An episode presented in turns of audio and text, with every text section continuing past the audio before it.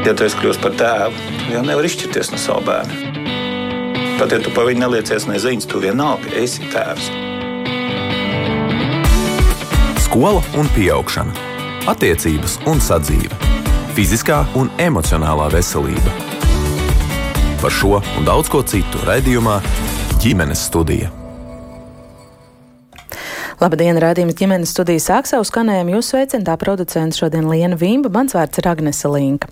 Valsts izglītības satura centra projektā Skola 2030 ir sagatavot interaktīvi, mūsdienīgi mācību materiāli latviešu valodas apguvēji skolēniem ar dzirdes traucējumiem, un arī metodiskie līdzekļi, kas domāti pedagogiem. Tas viss izstrādāts sadarbojoties gan ar vietējiem speciālistiem, gan arī iedvesmojoties no starptautiskas pieredzes. Materiāli paredzēti 1 līdz 6 klašu skolēniem ar dažādiem dzirdes traucējumiem. Kādi tad tie ir? Vai piemēroti visiem, kur, kas un kā tos lietos, un kādu materiālu vēl nepieciešama, lai teiktu, ka mēs virzāmies uz tādu visaptvarošu, iekļaujošo izglītību Latvijas skolās. Par to šodien saruna ģimenes studijā un saruna sarunas dalībnieces būs pedagoģe, arī logopēde, ja pareizi saprotu, Inamora Zaicē, un viņa ir arī jauno mācību līdzekļu autora, pati, protams, arī izmanto tos praksē. Arī Rīgas Ēbelmuižas pamatskolas direktora vietniece un sākuma izglītības skolotāja Justīna Smuļkēviča. Par Justīnu arī vesels dosjē man sarakstīts, bet tas droši vien atklāsies raidījuma gaidā, un arī izglītības un zinātnes ministrijas ministrs padomniece iekļaujošās izglītības jautājumos Nelī Repina kopā ar mums ģimenes studijā. Labdien jums visām! あ。Labdien! Labdien. Kā Alža, arī jūs klausītāji esat laipni aicināti pievienoties mums šai sarunā, ja ir kas sakāms, kāda viedokļa, komentāra, pieredze stāsta, varbūt jautājumi speciālistiem droši rakstiet tos ģimenes studijai. Kā vienmēr no Latvijas radio mājaslapas gaidīsim jūsu replikas arī dzen un centīsimies tās iesaistīt rādījuma saturā. Vispirms, eh, Inamoras, jums gribu tā nedaudz detalizētāk lūgt izstāstīt, nu kādi tad eh, tie materiāli ir, kas ar jūsu gādību līdzdarbību ir tapuši, kādi tie ir fiziski. Tiem, skatītājiem, kas varbūt mūs Jā. redz šobrīd video tiešraidē, nu, varam pat parādīt. Ir vesela Jā. grāmata, kauzīta līdzi. Grāmatas. Tās jaunās ir trīs grāmatas ar nosaukumu Saproti mani. mani. Mhm. Jā. Un šīs grāmatas ir domāts tieši abeces periodam, pirmai klasē. Uh, viņas ir ņemtas kā prototyps no slovēņu pieredzes. -huh. uh, kāpēc mums viņš iepatikās? Iepatikās tāpēc, ka viņš ir ļoti ino, ino, Inovatīvs, jā. jā. Un uh, katrai lapas pusē, kā mēs šeit redzam, uh mhm. -huh. ir stūrīti augšā QR kods. Jā. Un, ja mēs paņemam un noskanējam, un tad mums iznāk, katra atbilstoši katrai lapas pusē, mēs redzam, kas mums tur notiek. Un mums tur notiek. Nu, piemēram, uh, piemēram mēs esam, piedodiet, Nē, nē, viss kārtībā. Vajag nodemonstrēt tūlīt, īsti, kā tas darbojas. Jo patiesībā jā. jau mans nākamais jautājums arī ir par to, ko tad nozīmē tas mūsdienīgums un, mēs, un interaktivitāte. Jā, šeit nu. mēs QR kodu noskanējam, un šeit mums parādās šīs lapas. Uh, zīmes. Mm -hmm. Tad mēs varam atvērt. Mēs... Video fails tā kā jā. Tāds. Jā, viņš ir tā kā video fails. Ar surdo tulkojumu? Viņš nav gluži surdo tulkojums, bet ir zīmju valodā. Surdo mm -hmm. tulkojums ir tad, ja ir teksts un tulko to tekstu tieši. Dotā momentā mums ir tikai vārdi atsevišķi šeit mēs redzam. Atsevišķi mums ir nu, piemēram zīmes. pārtikas produkti. Pārtikas, sadaļa, jā, pārtikas, sadaļa pārtikas produkti. Šeit pie katra attēla ir klāta zīme. Savukārt pie katra uh, vēl ir arī vēl viena tāda pati lapas puse, kurā mēs redzam, ir attēls un vārdiski verbāli. Mm -hmm. Tātad bērns mācās uzreiz lasīt, un bērns mācās arī uzreiz zīmju valodu. Ja viņam nepadodas šeit izprast zīmju valodu, viņš var iet šeit QR kodā, kur mēs šeit dotā momentā redzam. Jā, nu pat tā bilde arī kustējās. Mums gan šeit eh, pagrabā Latvijas radio multimediju studijā nav laikam eh, tas eh, ātrākais internets pieejams ienestām ierīcēm iekšā, bet es redzēju bildi kustējās Jā. Kādu brīdi. Nu, lūk, un, uh, grāmata ir arī tādā ziņā inovatīva, ka uh, teksts ir viegli saprotams bērniem un ņemot vērā, ka uh, katram teikumam ir sava krāsa, un līdz ar to bērnam ir vieglāk uztvert. Šeit mēs redzam, ja? Es esmu Anna Apseša. Teksts vienkārši zilā krāsā. Šeit atbilstoši zīmju valodā un uh, daktilējot, uh, ir zilā krāsā. Mēs bērns saprotam un uztver to, ka šis ir viens vesels teikums. Un, ja mums ir grūtāk saprast šeit, mēs atkal varam paņemt QR kodu un paskatīties, kas tur, kā tad mēs to varam parādīt. Mm -hmm. Lūk. Nu, labi, tas tā ievadam. Es uzreiz pievērsu lasot ziņu par šo uzmanību tam, ka tur tika uzsvērts, ir sagatavota ne tikai ABC bērniem ar dzirdes traucējumiem, bet plašāks materiālu un metodisko līdzekļu klāsts. Cik tad plašs tas ir? Jā, abets periods, ja teiksim tā, nevis abets tieši, bet abets periods. Jā, tas materiāls ir plašs tādā ziņā, ka tā, viņš ir balstīts uz bērniem ar dzirdes traucējumiem latviešu valodas mācību programmu izstrādāt, kur izstrādāta pirms pirms mēs uzsākām gatavot šos materiālus kopā ar Justīnu. Ja, un uh, Sandru Jarāni mēs sadarbojāmies un izstrādājām latviešu valodas uh, mācību vielu bērniem ar dzirdes traucējumiem. Un līdz ar to mūsu uzdevums bija izveidot digitālos materiālus. Uh, tieši no otrās, jo pat cik pirmā klasē jau ir, no otrās līdz sestai klasē. Uh, tur mēs iekļāvām. Jā, uh, tur mēs iekļāvām tieši uh, Latviešu valodas pirmais ir posms no otrās līdz trešajai, nu, ieskaitot arī ceturto klasi daļai, tieši vārdu krājuma paplašināšana paralēli, vēl arī uh, pilnveidot un attīstīt zīmju valodu bērniem ar dzirdes traucējumiem. Uh, tad nākamais posms ir 5. un 6. klase, kur jau mēs operējam ar to vārdu krājumu, kas mums ir. Līdz ar to mēs pie, pievērsāmies vairāk nu, teiksim, tā, literatūrai. Pirmais posms, tas ir 5. klasē, ir latviešu valodas literatūra, kur ir Jāzepa Osmaņa, Jāņa Raiņa, uh, nu, Hannes Brigaderis uh, fragmentiņi, gan multfilmas. Tur ir ar surdo tulkojumu. Ja? Uh, savukārt, uh, sestajā klasē jau ir uh, literatūra, kas balstīta uz pasaules bērnu literatūru. Uh, tur ir, um, uh, es tagad nepateikšu, ja, bet, bet nu, Justīna zina noteikti. -hmm, jā, var papildināt arī. Jā. Jā. Katrā ziņā es arī tā kā izlasīju un sapratu, ka šie mācību līdzekļi piemēroti tad tas kopums bērniem no 1 līdz 6 klasē ar dažādiem dzirdes traucējumiem. Kā to var panākt, ka tie der plašam lokam, uh, nu, ar, ar, ar dažādiem vājdzirdīgiem, droši vien arī visam mm -hmm. nedzirdīgiem bērniem? Jā. Uh, lieta tāda, ka šie digitālie materiāli sākumā ir darbs ar tekstu, darbs ar attēlu. Tad sekot tālākais uh, posms, uh, darbs ar tekstu, kurā ir iespējams izprintēt šos materiālus un tad darboties uh, praktiski strādājot ar šo tekstu.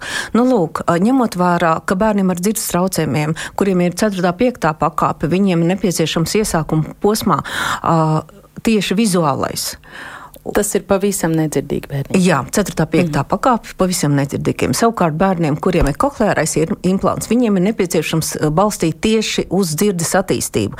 Un līdz ar to mēs ņemam palīgā tieši skaņu Tas ir nozīmē, ka ir video materiāliņš, kurā ir ar visu skaņu, un blakus ir surdo tulkojums. Tātad paralēli vienā klasē mācās gan bērni ar dzirdes traucējumiem, 5. un 4. pakāpe, gan koklērais implants. Un līdz ar to katrs izvēlās sev pieņemamo un saprotamo variantu. Vai viņš klausās, vai viņš skatās surdo mm. tulkojumu. Un pēc tam darbojas tālāk ar tekstu, veidojot un pilnveidojot verbālo valodu. Justīna, jūs droši iesaistāties, eh, gribat ko piebilst? Un, ka šie materiāli arī ir ļoti piemēroti, un, un, un skolotājs droši, protams, iepazīstoties ar visiem metodiskiem norādījumiem, viņš noteikti var strādāt arī bērniem, kuriem varbūt nav tikai dzirdes traucējumi, bet, piemēram, garīgās attīstības traucējumi, ja, kas ir šīs citas skolas arī, jo šeit ir teksts vieglā valodā, šeit ir attēli, bērniem tas ir vieglāk uztverams. Tā kā šie materiāli ir arī izmantojami šai te skolēnu grupā, ja bērni,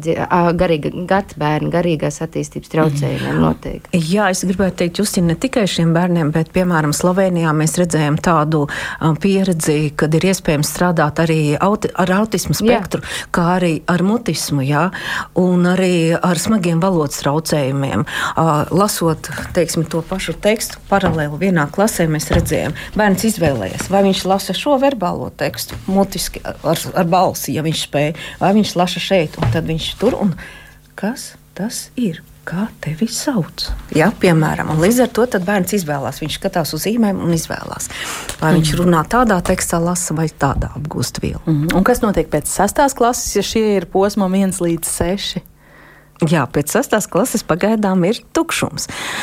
Bet eh, ņemot vērā Venecijas komisijas konvenciju 15. gadā, kur ir teikts tieši attiecībā par uh, nepieciešamību izmantot uh, tieši zīmju valodu, surdo tulkojumus, braila rakstu un visu nepieciešamā, ber, teiksim, ne tikai bērniem, bet cilvēkiem ar invaliditāti, nodrošināt viņu iekļaušanos gan sabiedrībā, gan arī uh, to attīstību un pilnveidi. Ja?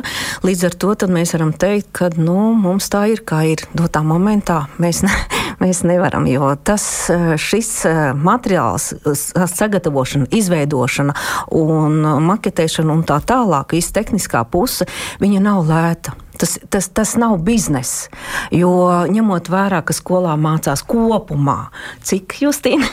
Nu, šogad es precīzi nepateikšu, bet līdz 100. Nu, jā. mm, tas un, ir tieši Justīnas pārstāvētajā ebelmojušas pamatskolā. Jā, jā, jā, bet ir arī mhm. Gājas krasta skola un ir arī Vald, Valduga Jelgavas rajonā uh, klase arī izveidota. Jā.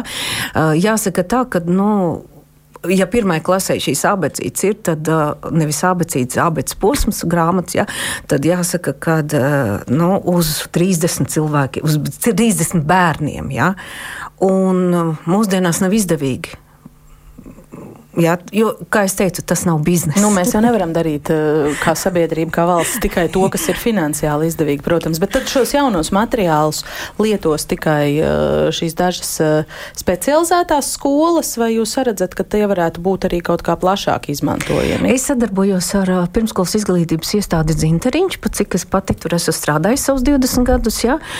Un, mēs ar metodiķu esam sapratuši, ka tos materiālus var izmantot ne tikai bērni ar dzirdes traucējumiem. Uh, Tur ir tajā bērngārzā ir grupas ar uh, smagiem valodas traucējumiem, uh, var, uh, kurās var attīstīt un pilnveidot tieši valodu.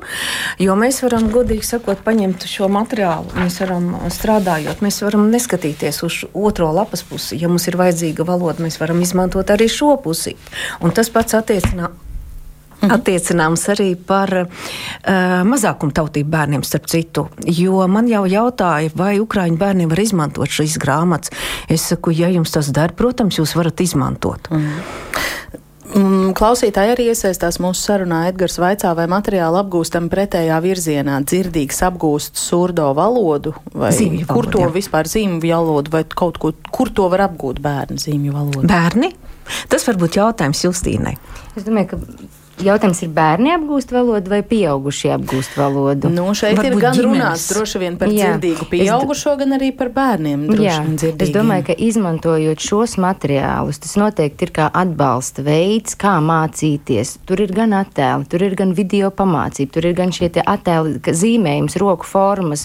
Noteikti, jā, ja ir vēlme un, un vēlēšanās, un ja vēl ir atbalsts un sadarbība, piemēram, ar skolotāju vai kādu atbalsta personu skolā, tad noteikti tas ir, to var darīt. Mm bet eh, materiāls šobrīd ir pieejams skolotāju platformā. Uh, materiāls ir pa brīvu pieejams uh, platformā skolo.lv. Skolo, ja? skolo.lv. Jā, skolo.lv. Uh, tur ir arī metodiskie norādījumi pedagogiem saistībā ar grāmatām un arī saistībā ar digitālajiem materiāliem. Ja mēs atveram šo platformu uh, bērniem ar dzirdes traucējumiem, mācību kurs, tad mēs varam redzēt visas šīs grāmatas. Viņas ir kā grā, programmas izklāts kā grāmatiņas, ja? un mēs piespiežam to klasīti, kur mums vajag, mums atverās, un kreisajā pusītē mums parādās, mēs varam izvēlēties tēmu. Ja? Vai mēs izmantojam interaktīvo uzdevumu, vai mēs izmantojam praktisko uzdevumu, vai mēs izmantojam uh, pārbaudas darbu, piemēram. Ja? Tā kā nu, tādā veidā. Mm -hmm. Skolo.CLV tā tad interesanti var tur uh, ielūkoties. Justīna, es gribu jūs lūgt varbūt padalīties arī ar jūsu pašas pieredzes stāstu. Es nezinu, cik daudz jūs esat ar mieru atklāta, ne, bet varbūt tomēr jūs arī esat uh, dzimusi ģimenē, kur ir dzirdes traucējumi. Pati iemācījusies arī surdo valodu. Jums nav dzirdes problēma, ja es pareizi saprotu. Kāds ir tas jūsu stāsts? Nu, es esmu dzimusi augusi nedzirdīga cilvēka ģimenē. Un uh, arī mana mamma un uh, mammas māsa arī ir skolotāja un strādāja šiem nedzirdīgiem bērniem. Tas kaut kā likās, uh, laikam, dabiski man arī kļūt par skolotāju un strādāt ar bērniem. Un, um, Nu, jautājums ir tāds, cik daudz mēs viņiem varam dot. Mēs varam jautāt uh, skolotājiem, mēs varam jautāt sabiedrībai. Um, cik daudz mēs, kā pieaugušie, atbildīgi pieaugušie, kādus apstākļus un vidi mēs veidojam, lai mēs padarītu šo mācību procesu viņiem pieejamu. Ja mēs skatāmies, nu, ja es skatos arī uz savu dēlu skolu, un viņš ir dzirdīgs bērns, viņš mācās parastā skolā, teiksim tā, viņam ir, viņš ir atvērts internetu, viņam ir pieejams nu, neierobežots skaits resursu, video, animāciju. Uh, mācību platformas, un viņam, nu, viņam, viņam ir pieeja ar savu valodu un dzirdi. Viņš viņš nav ierobežots. Un šeit es atkal skatos uz šo nedzirdīgo bērnu, ar kuru man, jā, es kā skolotāja tagad, jā. ar kuru man ir jāstrādā. Tas ir milzīgs darbs skolotājiem meklēt, atrast, sagatavot šos resursus, lai tie būtu pieejami šim nedzirdīgiem bērnam. Un Inamora arī iepriekš teica, ka nu, tas nekad nebūs bizness. Šiem nedzirdīgiem bērniem, lai kāds tapinātu un uh, veidot un radītu šos mācību līdzekļus, tas nekad te runa nebūs par biznesu vai kādu izdevīgumu. Šeit ir runa arī par nu, valsts nostāju par to, uh, kādus apstākļus vidi mēs veidojam, radam, nodrošinam, lai šie bērni varētu veiksmīgi un labi mācīties. Noteikti, un šis ir tāds viens liels solis, par ko man ir liels prieks, uh, ka tas ir noticis. Šie mācību līdzekļi ir veidoti un radīti, lai viņi varētu mūsdienīgi arī mācīties, izmantot šīs planšetes. Skola ļoti domā par to, lai būtu tehnoloģiskais nodrošinājums, lai viņiem būtu pieeja šīm tehnoloģijām. Bet ir atkal nu, šī otra puse, kas tad viņiem ir pieejams no šīm tehnoloģijām, atbilstoši viņu zināšanām, prasmēm un iespējām. Ja? Jo valodas barjera ir milzīga. Valodas barjera šajā nu, momentā ir vienkārši milzīga. Ja? Vai mēs runājam ar bērnu, kuriem ir neliels dzirdes traucējumi, vai atkal nu, ļoti smagi. Nu, mēs to saucam par 5. un 4. pakāpes vājdzirdību, bet reāli šie bērni nedzirdīgi ir. Ja, nu, kā, nu, šeit ir ļoti daudz jādomā par to, kādu vidi mēs radām. Un jautājums arī par to, vai, piemēram, šim ierakstam būs uh, subtitri. Būs vai nebūs?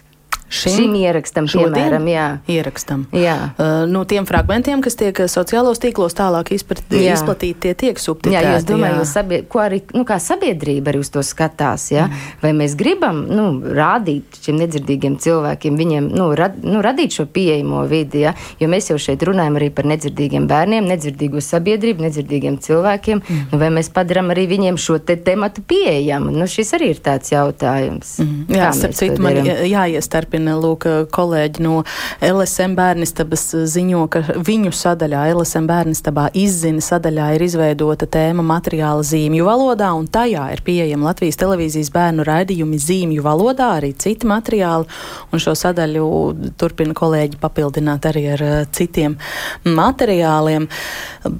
Nelī, gribu arī jūs iesaistīt tad sarunā, kā no savām pozīcijām jūs esat izglītības ministrijas padomniece iekļaujošās izglītības jautājumos vērtējat, kas ir jau paveikts un kāda ir tā vīzija, kā tam visam tālāk būtu jāturpinās un jāattīstās? Ja jūs man jautājāt tikai tieši par materiāliem nedzirdīgajiem, jā, šobrīd šiem konkrētajiem, jā, jā, protams, pēc protams, tam runāsim arī plašāk. Pirmā, sestā klasa nav tas. Uh, gala mērķis, kad ir jābūt visam posmam, un viņiem ir jā, materiāliem ir jābūt ne tikai valodā, bet arī citās jomās. Uh, nu, jautājums, kā jau teica, finansējums, jo naudas mums ir tik, cik ir, un no tām, tiem līdzekļiem ir jāsaprot, uh, kā efektīvāk uh, viņus iztērēt. Ja?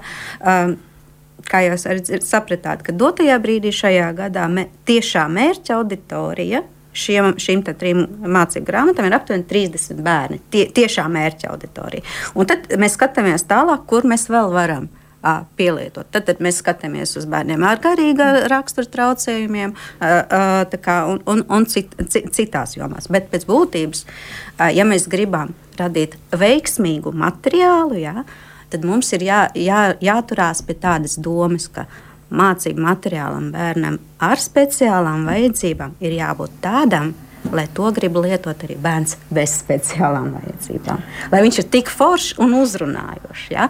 Nu, manuprāt, šis materiāls ir interesants arī bērniem bez jebkādām jā, speciālām jā. vajadzībām. Jā. Jā, un šeit var teikt, ka tas ir diezgan veiksmīgs stāsts. Jautājums, cik mēs kā sabiedrība būsim gatavi uh, nolikt uz galda bērnam bez speciālām vajadzībām materiālu, kas ir radīts bērnam ar speciālo vajadzību. Jūs saprotat, ka iekļaujošā izglītība ir tas sabiedrības attīstības procesu. Jā, un iekļaujoša izglītība ir iespējama tad, kad uh, arī sabiedrība ir iekļaujoša. Mēs varam runāt, ka mēs iekļaujam bērnus, bet paši tajā pašā laikā nespējam viņus ierau, redzēt uz ielas un darām visu, lai viņi nav nekur. Jā, nu, nu, tad, tad mums ir tie, bet tas jau ir plašāk. Jā, es jau pasteicos. Jā, bet varam, es domāju, ka runāt droši vien arī plašāk šodien šī jautājuma kontekstā, jo sabiedrības attīstības procesu jau kādam ir jāvirza. Jūs piekritīsiet, jāinicijē.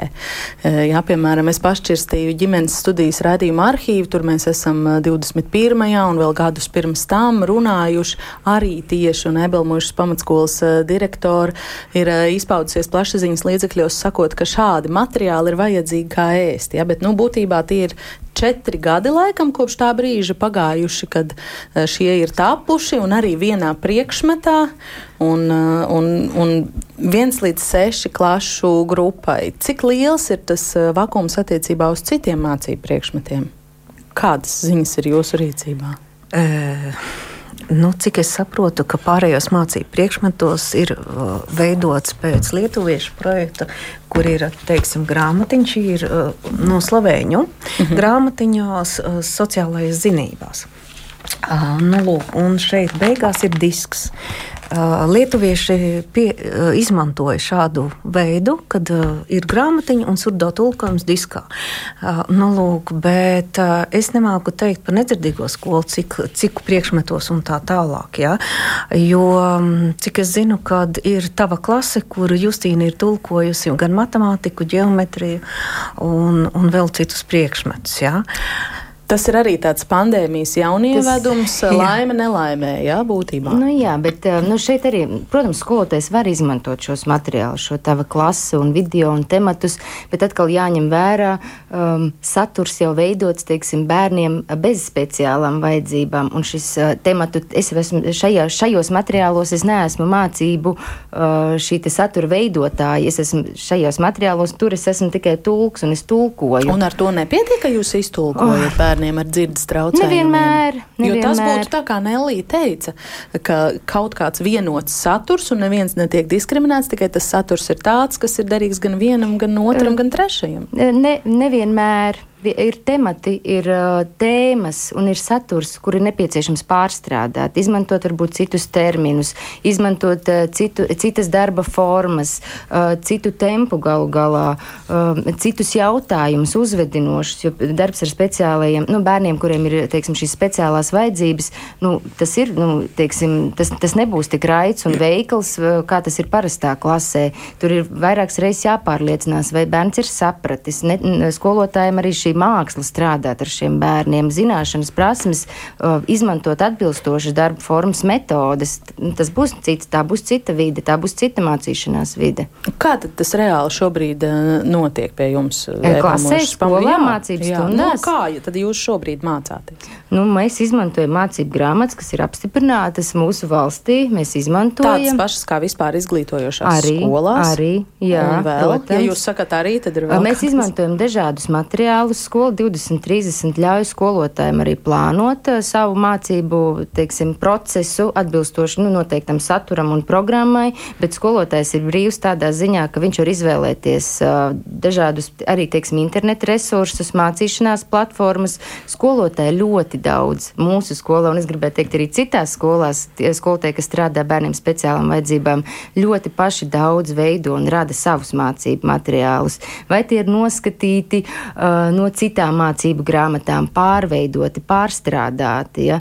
Skolotājs veido šo savu metodisko materiālu bāzi ja es apskatītos uh, skolotāju darba krātuvītē, skolotāju atvilknē, tur ir ļoti daudzas izveidotas skolotāju, nu, es, nu, ārpus darba laikā, jā, šīs te darba lapas, attēli, uh, video materiāli, uh, PowerPoint prezentācijas par tematiem, lai skolēniem būtu saprotams šis te temats, kas ir mācību grāmatā. Tātad skolotājs ļoti daudz iegulda papildus darbu. Es arī nevaru iet, paņemt grāmatu. Uh, ne, varbūt es varu, ir temati noteikti, kuros es tā varu, un daram tā, nu, protams, zīmju valodu, ar zīmju valodas atbalstu uh, notiek mācību process, bet uh, nu, skolotājs ļoti daudz dara.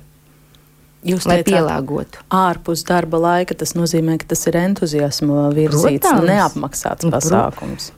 Nu, es arī negribu tagad tā īsti par, par to tēmatu, jo, jā, jo maksā ne tikai par kontaktstundām, jā, bet jā. arī par gatavošanos. Jā, bet tas ir skolotājs. Plus, plus es arī braukājot pa skolām, ir tādi ļoti labas prakses piemēri, kad skolas veido darba materiālu bibliotēkas, jā, kad viņiem ir atsevišķa telpa, nevis ar grāmatām, bet ar skolotāju veidotiem materiāliem. Viņi viņus glabā vienā vietā, un skolotājs, kam ir konkrēts uzdevums, viņš aiziet un viņš paņem, viņš izmanto, un tad viņš atliek vietā. Un kolēģi to, dalās jā, jā, jā, kolēģi dalās, jā. Prāts, bet ne visas izglītības iestādes, protams, to dara. Nu, tas jau ir tas stāsts par veiksmīgu pārvaldību un par to, nu, kā izglītības iestādes vadītājs organizē tos procesus izglītības iestādē. Vai pieci skolotāji dara katrs savā stūrī vienu un to pašu, vai spēj kooperēties un mm. sadarboties. Jā, nu, jā, šis ir tā, tas virziens arī, uz ko ļoti skola cenšas. Atkal mums ir digitālā šī koplietošanas bāze. Skola izvēlas. Jā, ļoti jā. ērti digitāli pieeja, nu, ka skolotāji var ievietot un uh, skolas sistēmā skolotāji var arī piekļūt šiem veidotajiem mācību materiāliem. 5, 8, 5, 9 bērniem es esmu bijusi speciālās skolās, viņam ir reāli telpa kur tas viss ir. Tu vari aiziet un paņemt to, ko tev vajag. Protams, ierakstot, ka tu esi paņēmis. Mm. Un, un, bet, bet to veidoja izglītības iestādes komanda pati. Ina Mora par šo vēl kas piebilstams?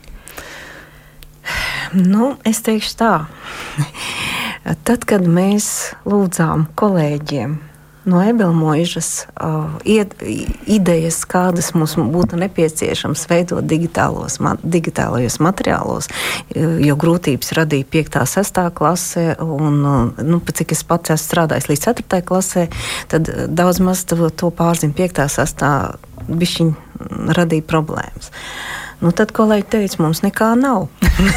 Tad man ir jautājums, jā, vai ir vai nav. Jā. Bet bija arī kolēģi, un, un, kas arī iedeva šīs atmiņas kartes, fleškas, teiksim, jā. tā, jā, ar materiāliem un teica, lūdzu, veidojiet šos mācību līdzekļus. Tas Mums vairāk ir... atbalstīja Gaujas krasta skola. E, es tā skaitā biju. Un, un, bet, bet to secinājums visticamāk ir tikai nepareizajām nu, kā... cilvēkām pajautājot, nu, jo kaut kas neaizgāja komunikācijā iekšienē.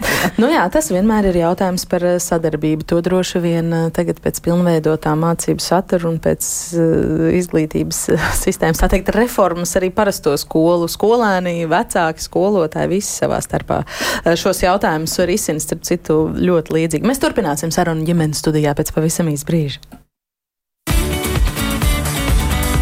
Mēs tiekamies ģimenes studijā. Ģimenes studijā mēs šodien runājam par eh, iekļaujošiem, jauniem, mūsdienīgiem mācību materiāliem vājdzirdīgiem vai nedzirdīgiem skolēniem, skolēniem ar dzirdes traucējumiem, kādi tie ir izstrādāti, kādi vēl nepieciešami. Un uh, sarunā piedalās uh, pedagoģes uh, Inamora Zaiceva un Justīna Smuļkēviča, arī izglītības ministrijas uh, ministrs padomēts iekļaujošās izglītības jautājumus Nelī Repina kopā ar mums ģimenes studijā šodien. Mm, Kāda tad ir tā ministrijas tomēr vīzija un kaut kādi turpmākie plāni? Jūs tā ļoti diplomātiski atbildējāt, ka viss ir jārēķina, kas ir efektīvāk un kas ir izdevīgāk, un naudas ir tik, cik ir, bet ir kaut kādi plāni par to, nu, kādos mācību līdzekļos, kādos priekšmetos vēl ir jā, jāizstrādā kaut kas, lai uh, tiešām tā izglītība virzītos uz to iekļaujošo pusi, jo mums ir bijuši arī raidījumi, teiksim, par braila rakstā bērniem ar skolēniem ar redzes traucējumiem mācību materiāliem, cik daudz to ir vai cik to trūks. Tagad ir lūk stāsts par, par dzirdes traucējumiem, vēl vairākas grupas. Jūs noteikti labāk par mani pārzināt, kādas tās ir, uz, uz ko mēs virzamies, uz ko mēs vēl varam cerēt. Nu, ja jūs skatāties uz to, kādi materiāli ir vajadzīgi, nu, tad atveram jebkuru datu bāzi, kur tie materiāli ir. Nu, paskatāmies tos lielos izteikumus. Nu, jūs mums izstāstiet, mums nav datu bāze par rokai šobrīd. ir visās, visās jomās, visos posmos, vairāk vai mazāk skaidrībā ir ar vispārējo, bet arī tur ik pa brīdim nav viss ideāli. Jā, kā, um, jo sarežģītāka un komplicētāka bērna speciālā vajadzība, jo mazāk iespēja, ka tas materiāls ir izstrādāts, jo viņš ir individualizētāks un ne visus materiālus, piemēram, bērniem ar 59, tas ir bērni ar smagiem un vairākiem smagiem attīstības traucējumiem, viņus nemaz nevar tā izgatavot uh, un izmantot visus, visiem vienādus. Viņi ir diezgan individualizēti. Jā, lūk. un līdz ar to nu, pateikt tādu Wow. tas ir diezgan sarežģīti. Bet nu, kāda ir tā virzība? Tad mēs kaut virzība, ko darām. Mēs vēl? darām. Mēs darām. Vienīgais, ka jā, finansiāli mūs neatbalstīja tik ļoti, cik mēs bijām paprasījuši. Mums iedeva tikai, ja es nemaldos, preci, es neesmu finansīs, bet mums iedeva, man liekas, trešo daļu no tā, ko mēs esam prasījuši. Kas ir mēs un kas ir tie, kas neatbilstīgi? Mēs esam izglītības, izglītības un finanšu. Un nu, kā, jā, jā. Tas ir 24. gadam. Jā, mums iedeva daudz, daudz mazāk no prasītās. Nu, Un kā tad tas tiks tagad izlietots? Tagad dalīsim un, un mēģināsim izdzīvot no tā, kas ir. Jā, jo, uh, uh, nu, kā jau saku, naudas mums ir tik, cik mums ir, un mums ir jāizdara, jāizpild lielākie, dziļākie robi. Un kuri un, un, tie ir tie dziļākie? Valoda, matemātika, sociālās zinības, um, uh, tā pati pilsoniskā izglītība mums ir diezgan aktuāls jautājums. Un, un, nu, tā tāds vēsture. Mm, tieši kādām uh, grupām, uh, redzes, dzirdes traucējumiem, kur vēl tas tālāk tiks veidots? Um, mācību materiālu 5-8 programmā. Tas ir mācību bērniem ar garīgu raksturu traucējumiem, vidēji un vieglie, bērniem ar garīgas veselības traucējumiem. Tā ir 57. programma. Tur, bet atkal jāsaprot, ka bērns no 51. līdz 57. programmai ieskaitot, viņam ir valsts izglītības standarts visiem vienāds. Un pēc būtības materiāli atšķirās. Jā? Pielāgojot viņu speciālām vajadzībām, bet standarts viņiem tik un tā ir nu, viens jāapgūst gala rezultātā. Bērniem ar 58. Tur jau ir atvieglots, un bērniem ar 59. ir diezgan individualizēts. Un, un, un pateikt, tagad, ka mēs veidojam kaut ko visiem, tas, kas ir visiem, tas nedara īsti. Nu, nekam. Līdz ar to ir jābūt šajiem, šiem materiāliem konkrēta mērķa auditorija, un tad mēs varam skatīties, uh, kam mēs viņus vēl varam izmantot. Mm. Bet, ja mēs radām kaut ko, kas ir nu, pilnīgi visiem, un tad ceram, ka kāds konkrēti viņu lietos, tad, tad šeit ir tā otrāda pieeja, kas ir daudz precīzāka. Tu vismaz saproti, kādas uzdevumus tu konkrēti ar viņu risini, un kas ir tie papildus uzdevumi, kurus tu vari mm. ar viņiem atrisināt. Nu, bet tad konkrēti nav vēl kā, zināms, kas konkrēti, šobrīd vai tapšanā kaut kas. Konkrēti vai? tur jums vairāk viss kolēģi var izstāstīt, mm. bet, bet es tieši nestrādāju pie tā, kad, kad kontrolēju, kurš kuru mm. materiālu. Es strādāju vairāk pie pedmetu komisijas reformas, pie iekļaujošās izglītības kā tādas, pie valsts kontrols ieteikumu, ieviešanu, neieviešanu un, un visu to lielo haosu, pie vardarbības pie pārmeklēšanas mm -hmm. tēmām un, un, un šādām tēmām. Ina Marija, jūs gribētu ko piebilst? Jā, es gribēju piebilst to, ka, piemēram, ņemot slovēņu pieredzi, es atkal parādīšu te grāmatiņu. Ja? Šo grāmatiņu izmanto vēsturē. Ar visiem tāpat, un faktiski ir tā, ka um, viņiem ir izveidotas grāmatiņas arī braila rakstā kopā ar QR kodu. Tātad nedzirdīgiem un neredzīgajiem. Jo Slovenijā ir ļoti daudz bērnu, kuriem ir ašmēra sindroms. Tas nozīmē to, ka uh, redze uh, vispirms nu, palēnām uh, pazūd redze un tad arī dzirde. Ja? Un, lai viņus sagatavotu tālākai pastāvīgai dzīvei, tad tiek izmantota šī šā, šāda veida grāmatiņas. Ja? Bet mēs tādas nevaram adaptēt, jo tur būs slovēņu vēsture vai ne? Nē, nevis mūsējā. Nu, šo grāmatiņu mēs arī tulkojām. Ja? No Slovākijas vajag nevis slovēņu vēsturi. Nē, nē, es domāju, ieteikt ideju Aha, kā tādu. Ja? Tas pats attiecināms arī par mākslu un mūziku. Ja? It kā liekas, ka nedzirdīgam bērnam varbūt tās nevajag to mūziku, bet savukārt tādi jēdzieni kā kompozīcija, harmonija, un, un, un, un, nu, kur, kur var izmantot arī vizu, vizuālajā mākslā, ja? izveidot tādu grāmatiņu kā pamatus. Ja? Es domāju, kāpēc nē. Bet tiešām pirmais posms, nākamais posms, ko mēs ļoti vēlētos, tas ir uh, 7, 8, 9 klasē izveidot nedzirdīgo bērniem ar dzirdes traucējumiem um, latviešu valodā. Un tad arī paralēli veidot mācību materiālus no 1 līdz 4 klasē matemātikā, un tad nākamajā nu, teiksim tā, nākamais posms ir pabeigt latviešu valodu 7, 8, 9 klasē un matemātiku. Mhm. Kāda signāla, ka tas varētu materializēties? Nav? nu, centīsimies. Jā, nu, tas jau laikam nav no jums atkarīgs. Nē, jā. protams. Justīna, jūs varbūt vēl ko papildinātu par to, kas ir tās nepieciešamības degošākās? Nu, mācību satura noklāšana ar šiem mācību materiāliem. Tas ir ļoti svarīgi. Un Inamora arī saka, jā, pareizi. Jā, tad, tad latviešu valodu pabeigt, lai mums ir šis komplekts no 1 līdz 9 klasē un viss pārējie mācību priekšmeti. Mums ir nepieciešami. Šiem bērniem ir arī tiesības uz šiem mācību līdzekļiem un mācību materiāliem adaptētiem, viņiem piemērotiem. Mēs kā skola nu, esam gatavi sadarboties ar, ar, ar ministriju, ar, ar citiem kolēģiem. Un, ar visu, cerams. Ar, protams, protams, protams un, un, un tas ir jādara. Un tiešām liels paldies skolotājiem, kas katru dienu iet klasē, strādā, dara. Tiešām.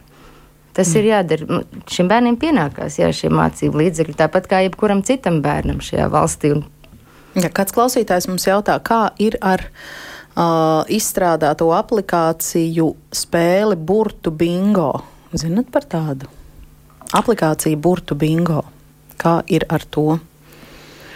Vai tas nav attiecināms par roku zīmu kartiņām? Ja tas ir tas, ja tas ir tas, bet es, ne, es nevaru apgalvot, nu, jā, vai tas ir tas. Es zinu, ka ir šīs burbuļu kartiņas, bet es nezinu par aplikāciju, tāpēc es varbūt atturējušos komentēt. Nu, jā, varbūt jāpameklē. Konkrētāk, tas kaut kam ānelija uzreiz ir daudz burtu bingo, man tagad nāk prātā. Ja teiksim, es jums jautātu tieši jūsu pārstāvētajā jomā, tātad strādājot pedagoģijā ar bērniem ar dzirdes traucējumiem, nu, attiecībā uz šiem mācību materiāliem kopumā, Inamora vairākas reizes pieminēja Sloveniju, Sloveniju, Lietuviešu kolēģu paveikto, kā mēs varētu teikt, Latvija šajā jomā mēs esam ļoti aizkrāsnē, vai mēs tā normāliem lieliem soļiem kā jūs teicāt, par šiem materiāliem, tas ir liels solis ejam uz priekšu vai uz citu Eiropas valstu fona. Nu, labi, nerunāsim varbūt par pašām attīstītākajām, solidārākajām un bagātākajām valstīm. Tā kopumā mēs esam kopsolī kaut kur vai mēs esam aizkrāsna. Mēs pirms Covid raudzējāmies un devāmies kā skola pieredzes apmaiņā uz Vāciju, Zviedriju, Igauniju, Lietuvu un, un daudzām, daudzām citām skolām, skolām, nedzirdīgo bērnu skolām. Un tur šī sistēma Nu, vienmēr jau no malas varbūt liekas, ir sakārtotāka, ir labāk. Um, tur arī skolotāji ļoti daudz strādā. Tur arī skolotāji taisa paši. Taisa mhm. arī paši sadarbojas, bet viņiem ir arī sistēma uh, redzama, varbūt nedaudz cita jau no šīs agrīnās diagnostikas un palīdzības bērniem ar dzirdes traucējumiem. Um, tur ir šie atsevišķie centri, kur vecāks vai konkrēts bērns ir piesaistīts, un viņš jau tur saņem sali, uh, palīdzību, un līdz ar to tur arī ir materiāli un pieeja uh, šiem atbalsta materiāliem materiāliem, pēc tam jau arī skolā šie materiāli ir pieejami. Tā kā nu, es teiktu, ka mums vēl ir kur tiekties. Inamāra. Mana doma ir tāda, ja mēs vispirms sakārtotu likumdošanā, Jā. tas ir ja no tā izdzīvot, tad mēs varam darboties. Jo ņemot vērā, es vēlreiz uzsveru Slovēņu pieredzi, viņi uh, 15. gadā ņēma vērā Venecijas komisijas konvenciju, kur tika tieši runāts par šo. Līdz ar to valsts likumdošanā bija noteikts, ka zīmju, val, zīmju valoda ir patstāvīga, lingvistiska vienība kā valoda, kā tāda. Un līdz ar to arī tiek um, izdalīti nu, finansiāli mērķi. Nu, finanses līdz ar to. Un arī viņiem šī, šāda veida grāmatiņas iznāk, piemēram, trīs trīs grāmatas gadā. Ko tas nozīmē? Ka viņi meklē iespēju caur kultūra fondu un caur citiem fondiem, kas viņus atbalsta un veido šīs grāmatas. Mm. Ja? Protams, ka mums tas viss, jo 18. gadā komisijas priekšādātājs Aldis Adamovičs no vienotības bija teicis, ka virs likuma došana par zīmju valodu kā, nu, kā pamata valodu. Ja? Bet tas viss ir apstājies, un līdz ar to mēs nevaram neko vairāk gribēt. Mm. Jo dotā momentā mums zīmju valoda ir tikai kā atbalsts. No 2000. gadā uh, valsts valodas trešais pants, trešais punkts, apakšpunkts ir, ka zīmju valoda ir tikai kā atbalsts saziņai. Un te tam, tai valodai ir pavisam jau cits status. Mm. Ja. Kurš to varētu tā lobēt, turpināt, lai tas neapstātos? Nu, visi Mēs... kopā, manuprāt, ir cieša sadarbība skolas, iestādes, ministrija, šīs nevalstiskās organizācijas. Ministrijā kāds komentārs par šo? Uh, pirmo reizi šo dzirdu, bet tā ok, 18. gadā manis nebija tur, kur es biju, jā, jā. Un, un es par to, ne, kur es esmu pašlaik, un, un es ne, ne, ne, neinteresējos tieši par šo jautājumu, bet jā, tas ir vairāk jautājums tieši nu, nedzirdīgo savienībā, es teiktu, nu, vai, vai to, to cilvēku, kas, kas šo virza, ka, ka varbūt tas tur viņam neizdevās, un viņi atlika to mm. dziļajā atvilknē, vai, vai kur tas ir palicis, nu, kādam ir jāvirza, lai kaut kas virzītos, un, mm. un ja mēs par to nerunājam, tad, protams, ka neviens neko par to arī nezina. Nu, re, tāpēc drusku parunājām. Varbūt kāda atbalsts arī radīsies. Bārba mums jautā, priecājos, ka materiāli pieejami skolotājiem. Kāpēc šie sagatavotie materiāli nav pieejami visiem? Man būtu vienkārši interesanti. Mani bērni ir izauguši un jau studē. Tur nu jātiek galā viņiem pašiem, bet ir vecāki, kam ir mazie ķipari, ar kuriem jāstrādā papildus. Viņi ir pieejami. Tad ir pieejami. Šis skolo LV ir pieejams visiem, LV, ne tikai pedagogiem ar kaut kādām īpašām pieejām. Ja? Jā, tur, tur, tur ir tā, ka, um, ja mēs ieejam skolo.lv, tad mēs aizējam līdz uh, visi kursi. Es te, bez datora es tagad nevaru mm -hmm. pateikt. Man vieglāk... nu, droši vien tie, kas meklēs, tie atradīs. Jā, jāatcerās tikai, ka skolo bērniem, ir. Jā, kurs bērniem ar dzirdes traucējumiem. Ja? Ir tāda lieta, ka ciešā sadarbībā ar ģimenēm, kurās aug bērni ar dzirdes traucējumiem savā darbā ikdienā, protams, ir arī Latvijas bērnu dzirdes centrs un šī centra vadītāja dr. Sandra Kušča. Un aprunājoties arī ar viņu, gatavojoties šim raidījumam par to, kāda ir viņas novērojuma, kā rita vājdzirdīgu vai nedzirdīgu bērnu izglītības process, dr. norādīja, ka tieši iepriekšējā 2023. gadā viņi izjūta problēmas gan ārsti, gan skolēnu vecāki un droši vien arī paši bērni, jo tika ieviestas izmaiņas, kas tika veikts attiecībā uz mācību gala pārbaudījumu kārtošanu un ar to saistītajiem atvieglojumiem. Ģimenes studijā mums arī bija raidījums par šo, jo vecāki dažādu īpašo vajadzību bērnu vecāki bija satraukušies, un, un tad arī tas skāra tos, kam ir bērni dzirdes traucējumiem. Paklausīsimies tagad drusku dr. Sandras Kušķis teiktajā pastāvēja iespējama no likumdošanas viedokļa situācija, ka, ja bērnam ir konkrēti veidi traucējumi, tad ārsts speciālists bija tiesīgs izrakstīt viņam slēdzienu un rekomendāciju, kas traucējumu dēļ šim bērnam ir uh, nepieciešams atbrīvojums no eksāmeniem. Un tam bija konkrēti savulaik, es zinu, ministrija prasīja man, kādas varētu būt tās dzirdes diagnozes, pie kurām tiešām mēs saskatām, ka tā var būt ļoti liela grūtība. Un mēs arī tās trīs diagnožu grupas grupas tikām definējuši, un uz tām balstoties arī tātad kā speciālisti mēs drīkstējām rakstīt šo ieteikumu, ka viņam būtu iespējams jāsaņem šis atbrīvojums. Un tā tas viss turpinās līdz šī gada, nevis šī gada, bet nu jau pagājušā gada sākumam, kad gads sāks un vecāki ar saviem bērniņiem no visas Latvijas ierodās pie mums un saka, doktor, man tur bērnam šogad 9. klase, mums vajadzētu to atbrīvojumu. Nu, protams, mēs to atbrīvojumu kā līdz šim rakstam pamatojoties uz kādu diagnozi ar saslimšanas kodu. Pēc brīdiņa šie vecāki zvana un saka, tā jūs mums iedavāt nederīgu dokumentu, viņš nekam neder, mums vajag citu, mums vajag kaut kādu citu veidu atbrīvojumu, jo mums šo vairs neņem pretī. Nu, mēs paši bijām diezgan lielā nesaprašanā, kas tas tāds ir. Sākām uz ministriju zvanīties, tas jāsaka, gan aizņēma ļoti ilgu laiku, kamēr mēs noskaidrojām, ka pagājušā gada februārī ir pieņemta cita kārtība, ka vairs šie bērni atbrīvojumus šādā veidā saņemt nevar. Ka viņiem ir nepieciešams, lai to saņemtu, iziet pedagoģisku medicīnisko komisiju katram savā dzīves vietā, vai ja tā ir skola, kurā ir audiologopēds, klīniskais psihologs un sociālais darbinieks, tad to var izdarīt arī skola. Bet šādu vietu nav daudz.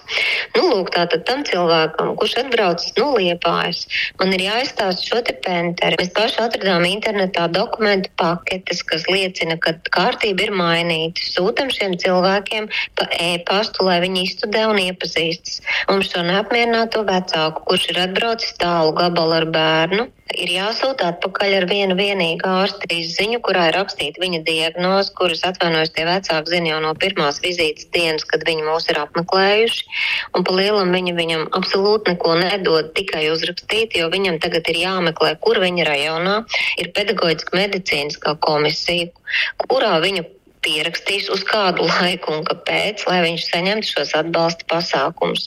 Tātad vairs šie bērni netiek atbrīvot no eksāmeniem pēc definīcijas. Viņi var saņemt šos atbalsta pasākumus vai nu tātad garāku laiku domāšanai, varbūt klausīšanās priekšmetu atbrīvojums, nu kā nu katram tur tas tiek nozīmēts. No tā ārsta viedokļa visbēdīgākais ir tas, ka tam cilvēkam reāli neko nevar tai vizītē palīdzēt. Viņš atbrauc aizbrauc ir tālu gabalu ar cerību, ka tu visu atrisināsi, un tev ir jāpasaka, nu nē, nekā nebūs, brauc atpakaļ un meklē tālāk. Nu nav viņi mierā, nav viņi apmierināti, tev ir jānoklausās diezgan liela gūzma ar pārmetumiem, kas tādas muļķības ir izdomājis un kāpēc, un to jau viņi nesaka varbūt tiem, kas to ir realizējuši, bet tieši tev acīs. Nu, un tad tev ir jāsūta tā dokumenta visa pakete un ķupa, lai to izskaidrotu. Nu, teikšu tā, līdz šim neviens apmierināts par šo uh, situāciju no mums nav aizgājis. Es jau arī saprotu, ka ir jādomā par tiem bērniem, ka viņiem varbūt ir jāmēģina likt kaut daļēji tos eksāmenus. Nu, kaut kā varbūt ir jāmēģina to situāciju risināt, bet kaut kā šobrīd sanāca, ka izglītības ministrija veica šīs korekcijas.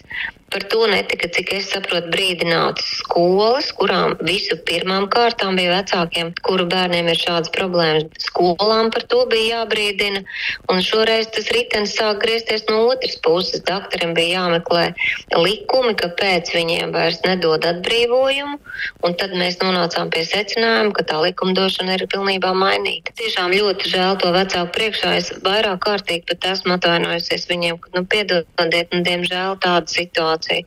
Kaut gan absolūti nejūtu, nu, ka es būtu kaut ko noziegusies, jo tad, kad veica šīs iepriekšējā likumdošanas pārmaiņas, Nu, viņi vismaz pavaicāja speciālistiem, nu, kuras ir tās diagnozes, nu, pie kurām tiešām ir tā grūtība, nu, ka tas bērns nevar.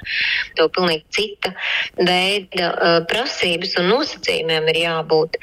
Un toreiz kaut kā, kā tas tika prasīts. Šobrīd ir, es nezinu, kas tajā komisijā, tai skola 20, 30 ir un kur ir tie eksperti un speciālisti. Man grūti spriest, bet nu, mūsu viedokli šajā gadījumā nu, neviens nav pavaicājis. Un tā arī bija pagājušā gadā. Man viena ļoti laba Daugopilī skolā meitene nevarēja nolikt vienu eksāmenu. Viņa bija labākā meitene savā klasē, klašu grupā. Viņa nenolika vienu eksāmenu šo pašu dzirdes traucējumu dēļ, tā kā to vajadzēja, jo nu, viņas dzirdes traucējums ir izteikts smagā pakāpē.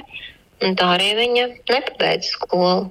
Vai arī tad ir jābūt atbilstošām programmām jau no pirmās klases, un tad tu esi tiesīgs prasīt tā devītajā, lai viņš pēc tiem īpašajiem mācību materiāliem ar skolotājiem, kuri saprot, ko viņi ar to mācību priekšmetu dara un kā viņi viņu pasniedz, būtu arī spējīgi nolikt. Nu, nevar tādas smagas diagnozes ņemt un pēkšņi to bērnu pārmainīt. Nu, viņš nevar to izdarīt. Nu, viņi paliks visai tās nenolikšanas robežas.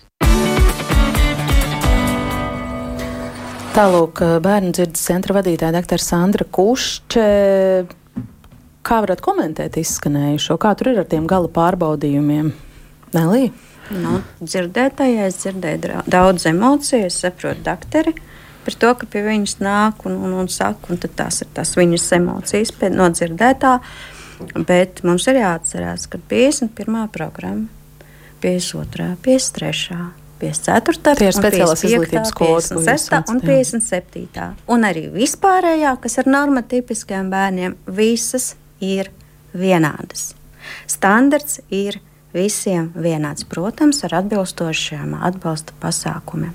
Un man nav argumentu, kāpēc bērns ar dzirdes traucējumiem nevar nokārtot eksāmenus. Es saprotu, viņš nevar nokala, no, nokārtot klausāmo daļu, jo viņš nedzird. Tur ir jābūt vai nu tai daļai izņemtai, vai atbalsta pasākumiem, mm. lai viņš dzird. Bet kāpēc viņš nevar izpildīt rakstīto daļu? Jo programmas saturs viņiem ir vienāds. Šis bērns pēc skolas arī ies mācīties tālāk kaut kur profesiju. Viņš pēc tam kaut kur dzīvē strādās. Ja? Kāpēc viņš nevar kārtot eksāmenu? Man to droši vien tūlīt pakomentēs pedagoģis, bet es tikai gribu pajautāt, vai šobrīd tie vecāki, kuri bērniem ir īpašas vajadzības, kādēļ būtu nepieciešams atbrīvojums no eksāmeniem vai kāda atvieglojuma, to starp uh, ar dzirdes traucējumiem, tad viņi ir pa, uh, par esošo kārtību informēti. Nu, neviens ministra kabineta noteikums, cik man ir zināms, nav paņē, pieņemts kaut kur pagrabā pa kluso un slēpts, ka tas viss ir tomēr nu, publiski. Bet pašiem jāmeklē tā informācija, vai ārstiem ar to jādalās, vai skolas pastāstīs? Pēc būtības izglītības iestādēs visa informācija ir un visi pieņemtie noteikumi mm -hmm. tiek tā publicēti. Skolām būtu jāinformē. Uh, jā, jā, nu tad, ja skolas sūta, tad visticamāk tā kā tas uz skolu tā īsti neatiecās, nu tad ej atnes man, nu skola, skola. Jā. Es pil, pilnīgi pieļauju, ka tā situācija 22. gadā bija, jo, ka 23. 22. gada februārī 23. gada pieņemts februārī. Un, un 23. gada beigās. Tad, nu, kā, 23. gadā stājās spēkā. Nu, jā, nu, nu, jā, jā, laiks sāk beigties. Es tad Justīna māja ar galvu aktīvi klausoties. Kuršķējā, nu, trīs, div, div, divas minūtes. Es saprotu emocijas, mm. jā, es saprotu arī vecāku skolu noteikti dod informāciju un stāsta, bet šeit ir arī tas, kā vecāki ir raduši, kā viņiem liekas un kā viņiem uh, gribās, lai mm. būtu. Jā, vai viņiem tiešām ir jāiet uz komisiju, un tas atkal ir cits jautājums, bet skola noteikti informē un to dara. Piekrīt doktorē, kur teica par šiem eksāmeniem. Ja, ja viņi kārto eksāmenus, tad tie ir atbilstoši mācību materiāli, tātad mācību līdzekļi, šī ir programma atbilstoša, un tad viņi kārto beig, nu, gala rezultātā šo. Uh, pie, uh, atbilstošo, piemēroto viņiem, veidoto, atbilstoši viņu vajadzībām šo te uh, eksāmenu pārbaudas gala darbu. Un uh, kāpēc bērniem, uh, viņiem ir dzirdes traucējumi, bet ir jāsaprot, ka jebkurš jebkurš funkcionāls tātad, traucējums, ja, tātad redzes, dzirdes, kustību rada citus traucējumus. Ja. Šiem bērniem ir izziņas darbības traucējumi. Nu, tā tas ir. Viņi neustvers valodu tik viegli un raiti, kā, nu, es teikšu, vesels bērns. Nu, ar to ir jārēķinās, tāpēc mums vajag, mums, šiem bērniem vajag šos mācību materiālus, līdzekļus, programmu vidi. Nu, tā tas ir. Un tad beigu beigās, jā, tad mēs varam domāt par šo speciālo pārbaudas darbu, kad viņi ir mācījušies šos gadus šajā programmā pēc šiem mācību materiāliem, un tad tur ir atbilstoši atbilstošs noslēguma darbs. Mhm. Tad, nu, tad, es dzirdu krasas atšķirības starp Nelijas un Justīnas teikto. Uh, vienīgi vēl varbūt īsi es varu pajautāt, ko jūs bērni dara pēc 9. klases? Dažādi ir bērni, kas iet lielākoties, jā, profesionālā izglītība, ir bērni, kas izvēlas mācīties arī uh, vidusskolu pabeigt, vak uh, vakarskolas vairs mm. nav, uh, vidusskolā mācās uh, arī meklēt tulkus, uh, atbalstu, kā varētu tie, tie, tad pabeigt un dodas arī strādāt gal galā arī. Mm. Liek eksāmenus. Kā ir tādus pašus kā visas pārējās skolas? 9. klasē. Jā, 9. klasē beidzot. Uh, Visbiežāk viņi ir atbrīvoti no šiem eksāmeniem. Viņi kārto skolas veidotas pārbaudas darbus. Mēs organizējam skolas iekšējas, kas nav uh, centralizēti uh, valsts. Tad ar tiem skolas, skolas veidotajiem viņi arī var kaut kur tālāk doties viņš vidusskolām. No, uh, noslēgumā vērtējumu, jā, un viņš var tālāk mācīties. Var pretendēt uz vidusskolām. Tomēr man gribas teikt, ka šeit vēl kādu reizi varētu diskusiju padziļināt par šo arī turpināt, tāpēc neteikšu liksim punktu, liksim daudz punktu un teikšu paldies par sarunu ģimenes studijā šodien Inamorai Zaicevai, Justīnai Irenai Smuļkēvičai un Nelijai Repinai. Ģimenes studijas saturu šodien veidoja producenta Liena Vīma, pie skaņa pults bija Katrīna Bramberga, mans vārds ir Agnese Linka, bet rīt mēs dosimies ciemos, kā piekdienās ierasts, šoreiz tā būs zīļu ģimene šeit pat eh, Rīgā. Nu, vērīgākie radio klausītāji būs jau pamanījuši, ka mūsu Latvijas radio viens kolēģi Daira Zīle jau kādu brīdi nav dzirdama rīta cēlienā programmā Labrīt, jo abi ar vīru, kas par viņi decembrī ir nu pat sagaidījuši savu otro dēli Ozoliņu, un mums ģimenes studijā būs tā privilēģija tikties un aprunāties ar viņiem tagad, eh, pavisam drīz pēc šī lielā notikuma. To tad dzirdēsiet rīt, kā vienmēr no diviem līdz trijiem. Klausieties ģimenes studijā arī podkāstos Latvijas radio mobilajā lietotnē un sekojiet ģimenes studijas sociālos uz sadzirdēšanos.